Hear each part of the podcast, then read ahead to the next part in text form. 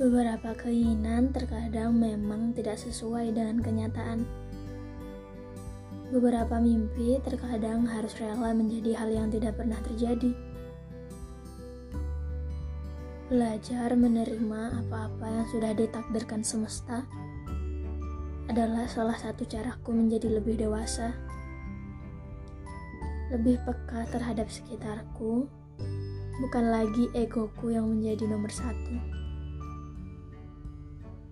Jika lelah, berhentilah sejenak. Meluruskan kaki, mengatur nafas, mempersiapkan kembali bekal untuk melangkah maju. Menengok sebentar ke belakang tentang apa-apa yang sudah berlalu, apa-apa yang sudah ikhlas ditinggalkan, dan apa-apa yang mesti harus diperbaiki.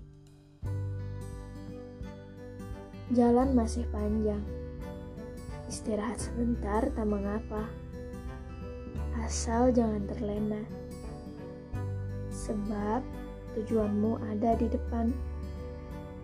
Kamu harus terus bergerak maju. Bukan terbaku melihat masa lalu. Berat memang menjadi remaja sekaligus dewasa di saat bersamaan sangat melelahkan.